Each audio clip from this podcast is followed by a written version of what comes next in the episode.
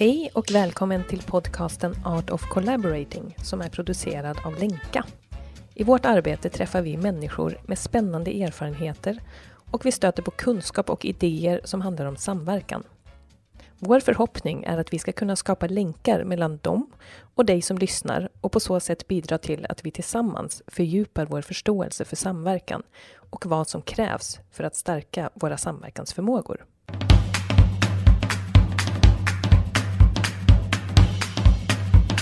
Ja, vi ska prata om frågor.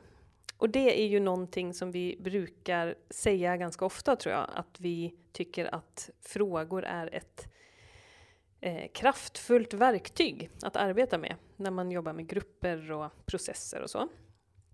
Eh, och vi har ju jättelänge pratat om att vi ska spela in det här samtalet om frågor.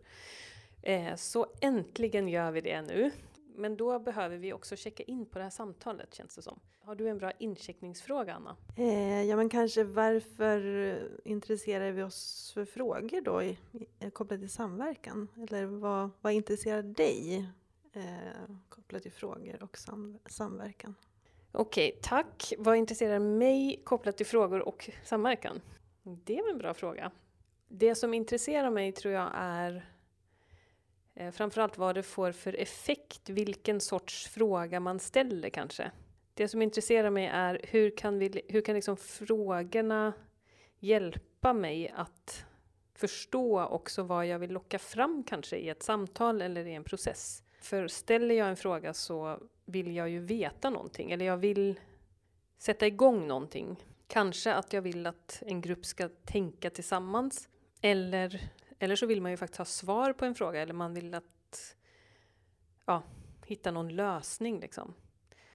Men eftersom jag vet, eh, eller har, jag, eftersom det är min erfarenhet i alla fall, att, att det liksom är värt att fundera väldigt mycket på frågor man ställer, så bara det, det, är väldigt naturligt för mig att intressera mig för frågor. Jag tror att jag gör det väldigt automatiskt.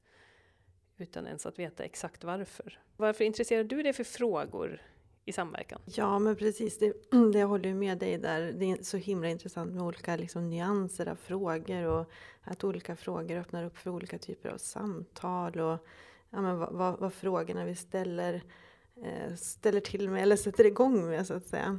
Eh, och sen är det väl också intressant med, ja men precis, vad, vad, vad är det för tankar som genereras av en fråga? Eller hur kan man tänka enskilt och tillsammans bara för att den här frågan liksom ställs? Så, ja men verkligen, hur, vad, nyanser i frågor och, och vad de sen kan generera eh, i form av intressanta, utvecklande dialoger, tänker jag.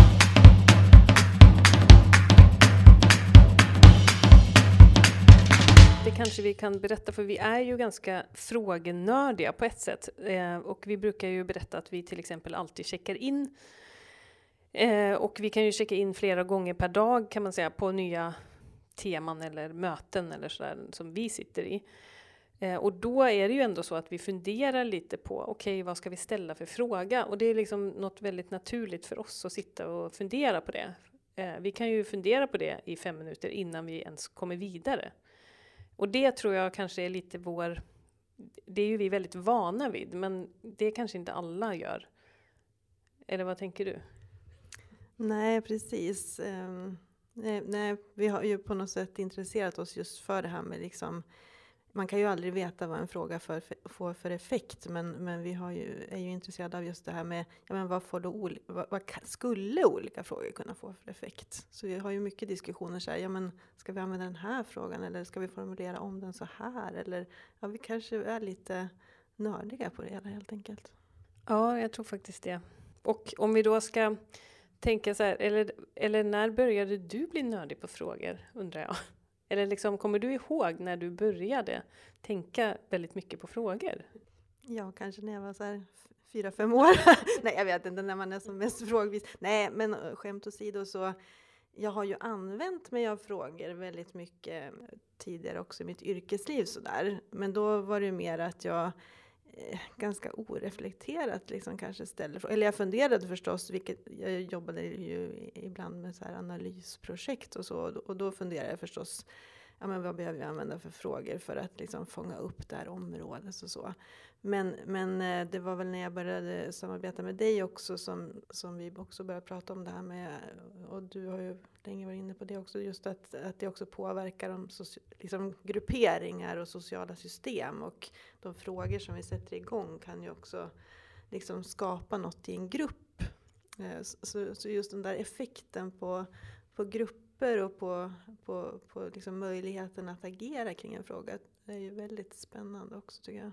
Var det det som var din fråga? Eller vad var det Ja, men det var typ eh, det. Och, eh, men nu fick jag en annan eh, tanke när du pratar om menar, att du ställer frågan när du var liten. För det är ju väldigt intressant med att små barn ställer ju väldigt mycket frågor. Och särskilt kanske när de är så här, jag vet inte, tre, fyra år eller någonting, när de börjar liksom ställa. De är ju så himla nyfikna och de vill ju veta så mycket. Jag tänker att Eh, de, de, har ju väldigt, eh, så, så, deras frågor kommer ju från riktig nyfikenhet alltså. Och sen är det ju så intressant när det börjar ta slut igen. Alltså varför? Och jag tänker att, för det är ju väldigt mycket det som kanske hindrar oss från att ställa frågor, är ju att vi har en massa svar mm. i oss. Och det är ju lite intressant. Så jag, det var ju kul att du nämnde det där när man är liten, för då är, då är det liksom man är inte så full av svar. Jag börjar bara tänka kanske på att, att vi påverkas också av skolan och så. Att vi, det är ju ganska mycket så att man ska, man ska plugga och man ska, få, man ska liksom kunna svara på olika frågor. Att vi övar ju jättemycket i att, att liksom, eh, på något sätt kunna svara på frågor. Men kanske inte lika mycket på att ställa frågor också i skolväsendet. Eller vad säger du? Nej, jag, i alla fall inte, jag lärde mig i alla fall inte det i skolan. Jag lärde mig ju det sen, precis. det var ju tur att man kom in i det igen då. Men, eh, men jag, vi, jag vet att det här är någonting som vi brukar ta, eller som brukar komma upp på många av våra utbildningar och så att eh, och som vi också kan se i många sammanhang att ibland så ställer vi inte frågor. Alltså i olika möten, i olika samtal, att vi är väldigt bra, vi människor, på att berätta saker för varandra och inte lika bra på att ställa frågor. Och kanske särskilt inte riktigt nyfikna frågor eller frågor som öppnar upp för någonting som vi inte vet eller liksom där vi inte har en föreställning redan om svaret på den frågan. Så ja, det är väl också därför att vi fortsätter och nördar in oss på det, tänker jag. För att det känns som att det finns så mycket att hämta när man liksom bli bättre på att ställa frågor.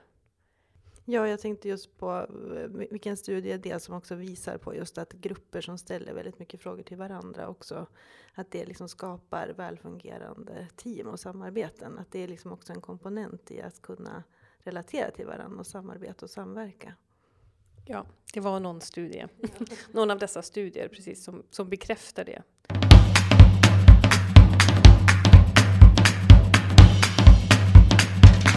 Det vi har med oss när vi sitter och funderar på vad är det för fråga jag ska ställa. Det är ju ändå också några tankemodeller som vi har påverkats av. Och då tänker jag framförallt på eh, de här frågetyperna. De fyra frågetyperna som har ju Ja, det, den, det är ju liksom en modell som, som vi har inspirerats av som från början kommer från en familjeterapeut som heter Carl Tom. Och som, eh, som liksom sorterar frågor i fyra olika kategorier, kan man säga, frågekategorier. Och då har Carl Tom skrivit en, en bok om det, som, där han liksom beskriver vad får de här olika frågetyperna för effekt? Både på den som ställer frågan och på den som svarar på, eller den som får frågan. Ska vi gå in på dem tycker du eller? Ja men det är väl jättebra eftersom vi så ofta använder den och eh, tycker att den också kan, eh, eller den kan vara väldigt användbar i samverkan. Okej, ska vi ta var vår kategori då? Jag börjar med första kategorin som vi då har översatt som faktafrågor. Och det är ju frågor som, som, vi, som kan vara typ, eh, ja hur länge har du jobbat på Länka Anna? Eller vilken adress bor du på? Eller eh, hur länge har du jobbat med samverkan? Det är liksom eh, frågor som det finns en, ja, men det finns fakta kring det. Det finns liksom rätt svar kan man säga. Eller hur gammal är du? Det, det finns en... Eh, ja, det, det, är inte så... Utrymmet för dina svar på den frågan är inte så stort kan man säga. Och eh, ja, det, det, är typ, man ringar in fakta. Det kan ju också vara Eh, vad, vad har du för uppdrag i det här projektet? Eller vad är din roll? Eller sådär. Är det tillräckligt beskrivet av faktafrågor? vad, vad tänker du det får för effekt när man ställer den frågan och när man får en sån faktafråga? Ja, det blir ju lite då om, om tanken med frågan är att det finns rätt svar så vill jag ju gärna ge rätt svar. Så om jag då tänker så här, ja men eh, vänta nu menar du när du säger vad menar du liksom? Hur, hur kan jag svara rätt på den här frågan? Det är väl så skulle, om jag fick en sån fråga, då skulle jag kanske tänka så. Eh, och det kan ju bli lite förhörsaktigt kanske efter ett tag, om du bara skulle ställa sådana frågor till mig. Vad bor du? Eh, vad har du för nationalitet? eh, vad pratar du för, för språk? Alltså liksom bara sådana frågor får ju lite sådär, ja, förhörskvalitet. Eh, och jag tror att Carl Tom bes, eh, beskriver det som en effekten av det som att det liksom det också bara upprätthåller det man redan vet. Alltså det, det uppstår inget nytt i ett sånt samtal som bara baseras på faktafrågor. Det, det händer liksom inte så mycket nytt i det. Eh, och samtidigt, eller vad tänker du just där när man, när man ställer faktafrågor till en grupp och när man då kommer in med olika eh, fakta, eller man har kanske olika syn på liksom fakta sådär. Då, då kan det väl också på något sätt berika en nulägesdiskussion eller liksom en faktadiskussion. Så här, ja, men det verkar som vi står här just nu eller så. Vad tänker du kring det? Ja, det tänker jag. det är allt jag håller med om. Vad jag tänker kring det? Ja, eh, jo, precis. Jag tänker att det faktiskt är lite skillnad på när vi använder ju de här frågetyperna både med grupper och eh, i samtal två och två. Så att, och det är nog lite olika eh, kanske effekter. Men, men det ska vi komma in på lite senare kanske, att man kan ju aldrig heller förutse egentligen effekten. Man kan liksom ha en viss erfarenhet av att vanligtvis blir det så här, men det behöver inte alltid, alltid bli så. Så det får man ju också ha med sig. Men du, nu ska du få prata lite om eh, perspektivfrågor. Ja, men vad kul, för det är ju en, en rolig typ av frågor. Eh, perspektivfrågor är ju frågor som ja, men öppnar upp egentligen för nya perspektiv där man liksom lockar in med frågan, eh, eller där det inte finns något tydligt svar utan där vi ställer frågor som eh, ja, men, eh, finns det några andra perspektiv på den här frågan? Vad tycker den andra personen om den här eh, frågan? Att vi liksom, det ruckar lite grann kanske på våra befintliga tankemönster. Så vi lockar ju in fler perspektiv egentligen med, med sådana frågor. Och det kan ju hända väldigt mycket både individuellt och i grupper då när man på något sätt får frågor som, som eh, inte är självklara utan som, som, som gör att man kanske ser nya mönster eller nya perspektiv i en fråga. Och vad, ehm, vad, ja, precis, vad, vad blir effekten av det då? Om man lockas in i sådana samtal? Ja, men jag tänker att det ofta blir liksom så här på något sätt öppnande. Liksom att vi går inte in kanske i våra självklara antaganden om saker och ting. Utan det, det tvingar oss lite grann att öppna upp på något sätt för en fråga.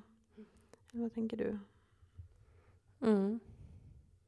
Ja, precis. Jag vet att för Carl Tom brukar ju prata, eller han beskriver ju både vad som händer med den som ställer frågan och den som får frågan. Och jag tror att där säger han att den som ställer perspektivfrågor liksom går in i ett lite så accepterande tillstånd. Alltså man blir väldigt så här tillåtande och accepterande på något sätt. Jämfört med då om man ställer faktafrågor, för där kan både den som får faktafrågor känna sig förhörd, men den som ställer faktafrågor kan också känna sig som en förhörare. Liksom.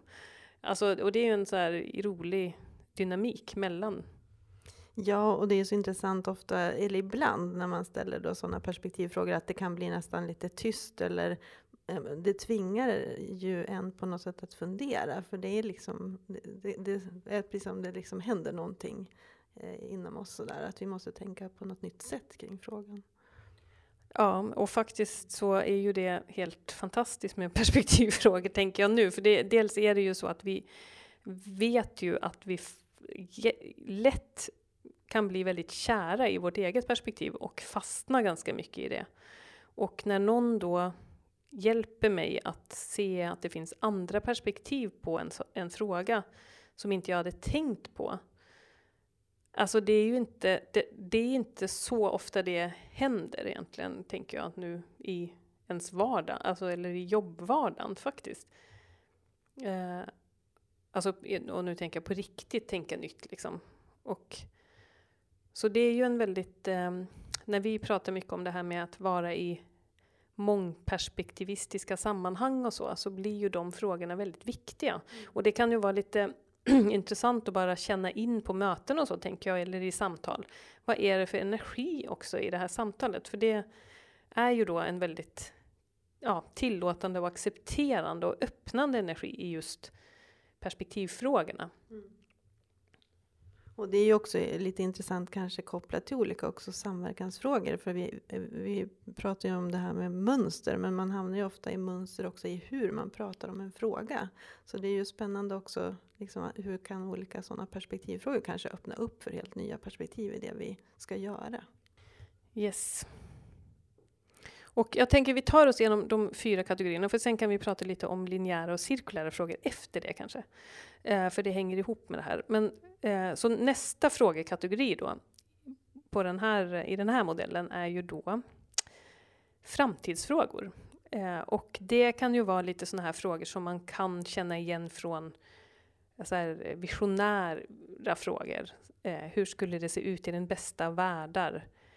Tänk om allt liksom skulle lösa sig på bästa sättet, hur skulle det då bli? Liksom, så här, drömläget och eh, lösningsfokus och så. Eh, och de, de frågorna är ju eh, vad ska man säga, mobiliserande ganska mycket eh, och, och kreativa. Eller man, man, man kommer in i ett kreativt läge och liksom hittar, alltså genererar ju mer och mer möjligheter Just det, nu kommer jag på, vi kanske inte kallar dem för framtidsfrågor, vi kallar dem för möjlighetsfrågor.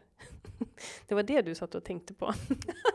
ja, precis, möjlighetsfrågor. Det spelar ju ingen roll vad man kallar det för egentligen, men, men kvaliteten i de frågorna är just att se möjligheter. Vill du lägga till något? Nej, men kanske bara, men det var du inne på också, just att, att man ofta ser liksom att det händer något i energin, liksom både hos enskilda personer och grupper, att, att det ofta är väldigt energigivande och mobiliserande att prata om möjligheter. Mm. Ja, och, eh, och det har vi inte sagt nu, men, men ordningen som vi har eh, gått igenom kategorierna hittills har ju varit enligt så som Carl Tom tycker att man ska göra, nämligen man börjar med faktafrågor kring en, en frågeställning och sen går man in på perspektiv och sen går man över till möjlighetsfrågorna. Och det är ju för att man då har också kommit åt ganska mycket insikter genom perspektivfrågorna innan man går in i möjligheterna. Vilket är ganska intressant för vilket, alltså vilka möjligheter man överhuvudtaget ser och vilket handlingsutrymme man skapar sig. Och, eh, så den sista frågekategorin är ju då eh, handlingsfrågor. Så då har man ju liksom tagit hela rundan. Ja, är det du som ska prata om handlingsfrågor? ja, det var det. Förlåt! ja, men precis. Eh, ja, men då eh, har man ju faktiskt tagit hela rundan som du är inne på. Och då är det ju frågor som är väldigt så um, aktivitetsorienterade och handlingsorienterade. Det kan ju vara frågor som, ja men vad, vad, vad, är det för aktivitet vi ska göra nu? Vad är nästa steg? Vad, vad behöver vi göra härnäst? Att de är väldigt så mm, aktivitets och handlingsorienterade. Och det är klart att de Eh, det kan ju vara lätt att vi snabbt går in i sådana frågor i, i, diskussionen men som du är inne på, den här modellen handlar ju mer om att öppna upp för andra dialoger innan vi kommer in på aktivitet. Eh, vi kan ju ha en stor vana att kanske direkt gå in på aktivitet i en frågeställning eller gå ganska snabbt mellan fakta och aktivitet. Men det här blir ju lite mer så pushande frågor och, och liksom som uppmanar oss att börja göra. Vad blir effekterna på dem? Ja, vad blir effekterna på dem? Det blir väl eh, ofta liksom att, att eh, ja, men lite pushande och uppmanande sådär. Att, eh, det, där är det ju kanske inte så mycket utrymme längre för att liksom, ta in perspektiv utan då handlar det om att gå till handling. Mm. Ja, och kanske också att man man tvingas ju ut, den som får en sån fråga kan ju tvingas lite ut ur sin comfort zone möjligtvis. De här frågorna är ju också, kan ju användas inom coaching till exempel, där är det ju det lite så. Att man tänker så kanske. Nu har vi gått igenom alla de fyra frågekategorierna. Man kan, kan ju dela in de här frågorna ytterligare i olik, på olika sätt. Eh, nämligen i det här med linjära och cirkulära frågor, för det är ju lite intressant. Vi pratar ju ibland om linjäritet och cirkularitet. Linjära frågor handlar ju väldigt mycket om att vi liksom utgår från att det finns en tydlig orsak och verkan liksom kopplat till en fråga. Så vi kanske ställer också frågor som, som på något sätt eh, ja, men inte öppnar upp för så många svar utan liksom snarare eh, stänger ner eller så. Eh, och medan cirkulära frågor då öppnar upp och liksom skapar rörelse och kanske sätter igång de här, att det finns, inga, det finns liksom ingen tydlig kausalitet eller vi vet faktiskt inte någonting om eh, vilka svar vi ska hitta. Så faktafrågor och handlingsfrågor är ju då mer linjära för att de utgår lite ifrån att vi kan ha rätt svar och vi kan säga någonting om nästa steg. Medan perspektiv och möjligheter, där, där är man mycket mer, det är mycket mer tillåtet att vara i någon, vad ska man säga, i en, i en komplex värld där det inte finns rätta svar.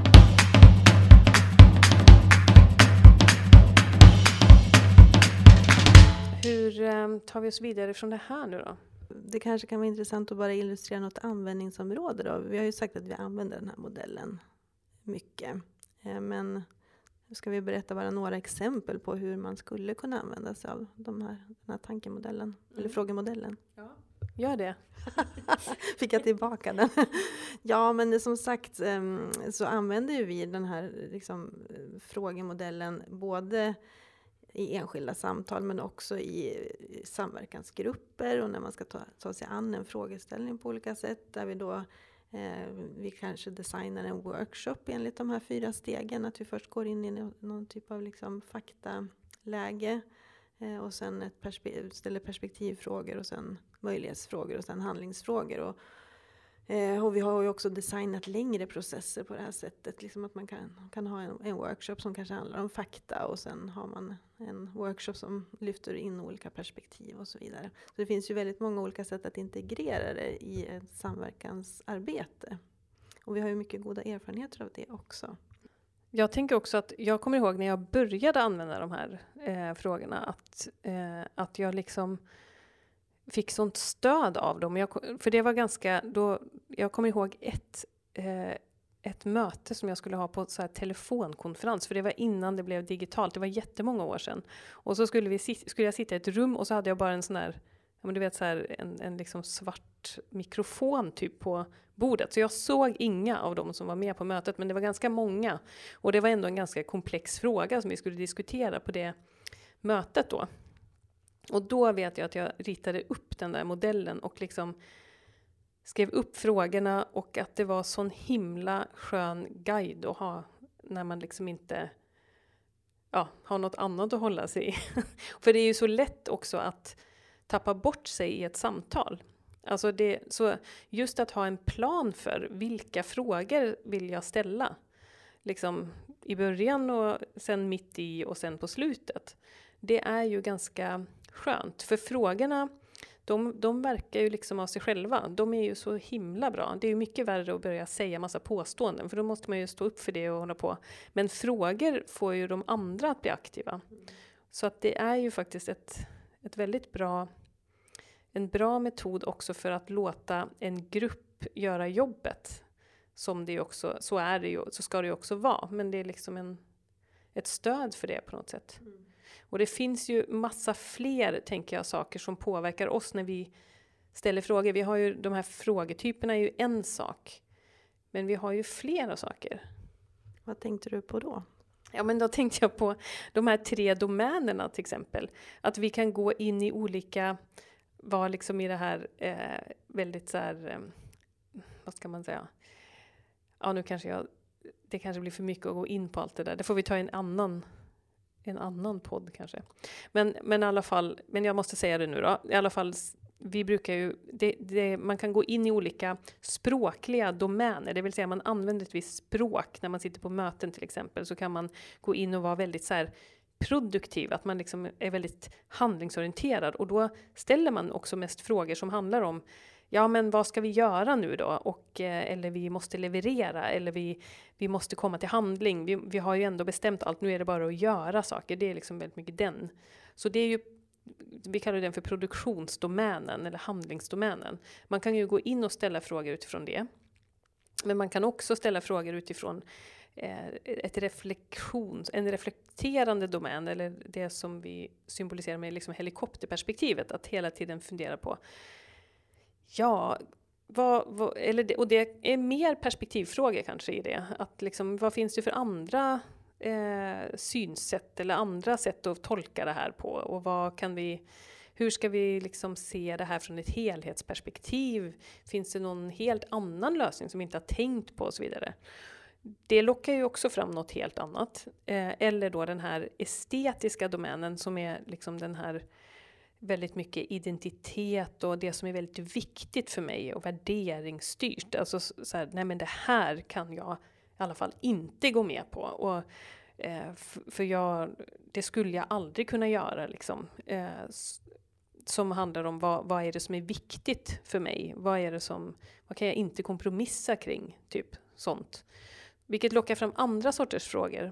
Så att, och jag tänker att det, de det är också något vi brukar säga nämligen. Ja, men det här är ju en väldigt produktionsinriktad fråga eller det här är en mer reflektionsfråga eller det är mer en känslofråga. Eller hur? Mm. och sen finns det faktiskt ytterligare en, eh, en som vi kan bara nämna kanske som påverkar oss. Um, ja, uh, också liksom uh, appreciative inquiry. Det finns ju en, en uh, organisationsutvecklingsfilosofi och metod som också går ut på att egentligen locka fram eh, resurserna i det vi pratar om. Och då kan man ju ver verkligen liksom fundera på vad är det för frågor som verkligen lockar fram liksom våra resurser och våra goda erfarenheter kring frågeställningar och så. Det är ju också eh, en, en metod och filosofi som vi ofta använder oss av. Så det finns ju många, många eh, olika sätt liksom att ställa frågor på och olika saker man kan inspireras av när man också ställer frågor. Jag tror att det är väldigt sällan vi ställer en fråga som är problemorienterad eller liksom som lockar fram problemen. Eller hur? Alltså jag, tror, för det, jag tror att det, det är så som jag tänker att vi påverkas av de här olika teorierna och modellerna. Att de liksom dyker upp i ens eh, tänk ibland när man sitter med de där frågorna så tänker man ju ganska så här, ja ah, okej, okay, men det här är ju inte så himla uppskattande eller erkännande att ställa en sån fråga. Hur ska vi liksom ställa en fråga som gör att alla känner sig erkända till exempel?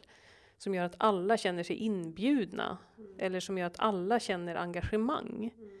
Det är ju jättemycket sånt tror jag som ligger till grund för den sortens fråga vi då arbetar fram Ja, precis. För att när man då, jag tänker vi är i många till exempel samverkansprocesser och frågor som egentligen behöver utvecklas som kan vara komplexa. Så, så är det ju så är vi ju ofta inne på att liksom, vad är det för frågor som kan mobilisera oss i den här frågeställningen? Vad är det för frågor som kan eh, få de här perspektiven att bli erkända? Va? Så det är ju som du säger liksom resursorienterade frågor ofta och vi funderar mycket på, ja men kan det här liksom generera en positiv dialog i den här gruppen eller kan man på något sätt komma vidare i den här frågeställningen? Mm. Ja, och då igen tänker jag att vi tänker mycket på vad lockar den här frågeställningen fram? Uh, och uh, vi lägger ganska mycket tid på det. Och det är väl någonting som, inte, som man kanske inte är så van vid om man inte jobbar med frågor så mycket. Men vi tänker ju att det är, uh, ja, vi har ju faktiskt, vi jobbar ju typ nästan bara med frågor faktiskt, om man ska vara helt ärlig. Ja, men och sen är det väl också utifrån det här synsättet att vi kan ju aldrig e-, som enskilda personer sitta på alla svar heller. Utan det finns ju så mycket eh, intressanta tankar och resurser och kunskaper och erfarenheter runt omkring oss. Och det är väl också någon typ av synsätt om att det finns ju massa positiva saker att locka fram också.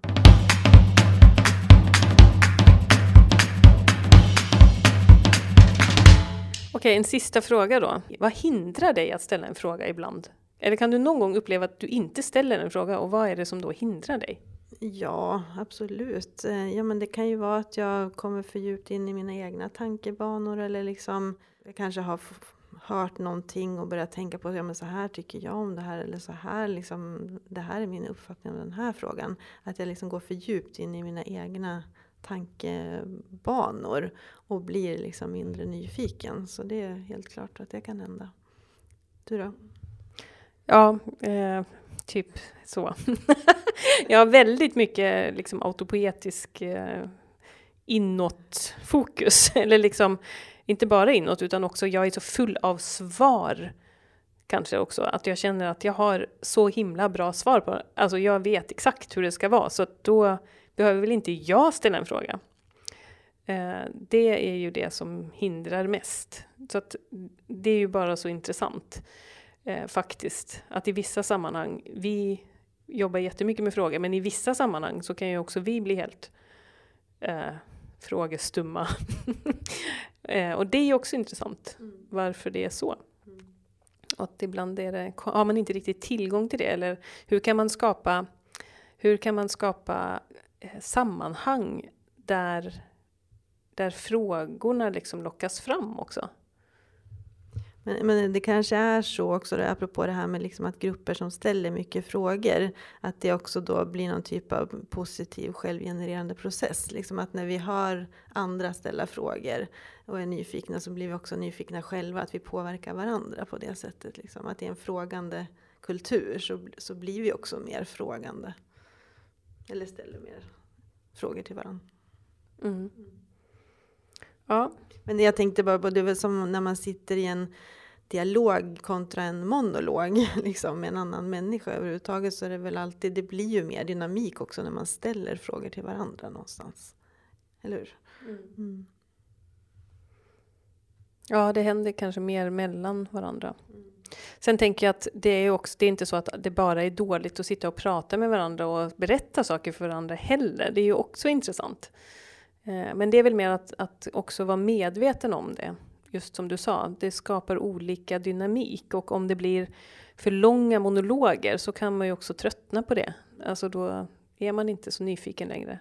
Nej, för jag bara tänker på möten också när det som sagt inte blir så mycket frågeställande och det blir mer ja, men jättelånga presentationer eller monologer, då är det ju både lätt för personer ibland att tappa uppmärksamhet, men det är också så att vi inte får fram liksom alla perspektiv i rummet, utan det blir något perspektiv som blir dominerande. Ja, så det är väl också ett sånt tips som är ganska bra ibland faktiskt när man har en presentation som man ju ofta har. Men att man kanske ganska snabbt kanske till och med innan presentationen, bara gör en runda och frågar vad, har ni för, vad är ni nyfikna på eller vad, vad har ni för frågor till det här ämnet? Och sen kanske gör det efteråt också, så att man lockar fram frågorna. För det finns ju mycket viktiga perspektiv i dem. Precis. Ja, ja, vi skulle säkert kunna sitta här och prata om frågor hur länge som helst. Eh, det finns ju en bok som heter också A more beautiful question. Heter det, va? det finns ju så mycket vackra frågor där ute som vi kan intressera oss för. Så att, eh, ja. Men ska vi ta och checka ut då? Så då ska vi ha en check ut-fråga. Då, nu kom jag på en, så då tar jag den. Hur ska du hålla liksom ditt frågande vid liv framöver? Vilken bra fråga. Eh, hur ska jag hålla mitt frågande vid liv? Eh, ja, men jag tror att jag behöver inte liksom eh, gå in i slentrian och liksom ställa samma typ av frågor, till exempel samma check-in-fråga och eh, så, utan liksom verkligen fundera ännu mer. Vad ska jag ställa för fråga i, den här, i det här sammanhanget? Att, ja, att undvika samma typ av fråga, tror jag. Du då? Ja, men eh, om jag ska säga en sak som jag blev påminn om nu när vi pratade, det var faktiskt det här med dynamiken, att jag ska liksom tänka lite på det. Att eh, vad, är, vad blir det för dynamik och vad blir det för energi i samtalet? Och hur kan man liksom bryta det genom att ställa frågor? Det, är ju, det kan jag behöva påminna mig om ibland. Eh, och sen håller jag med dig om det där som du sa, jag hakar på den också då. Att fundera, alltså vara lyhörd för vilken fråga som vill bli ställd också i ett sammanhang. För ibland kan jag faktiskt känna att om jag är i ett lite mer mottagligt tillstånd, eller liksom lugn och mottaglig för en, ett sammanhang och en eh, grupp, så ofta kommer ju frågorna till en, kan jag uppleva ibland. Så det är ju också något som handlar om, och då kanske det handlar om att meditera lite innan mötet. Ja, men precis. Ju, om, om vi är liksom lugna och närvarande så är det säkert också mm, lättare att känna in vad är det för fråga som, som passar här och som skulle kunna skapa någonting.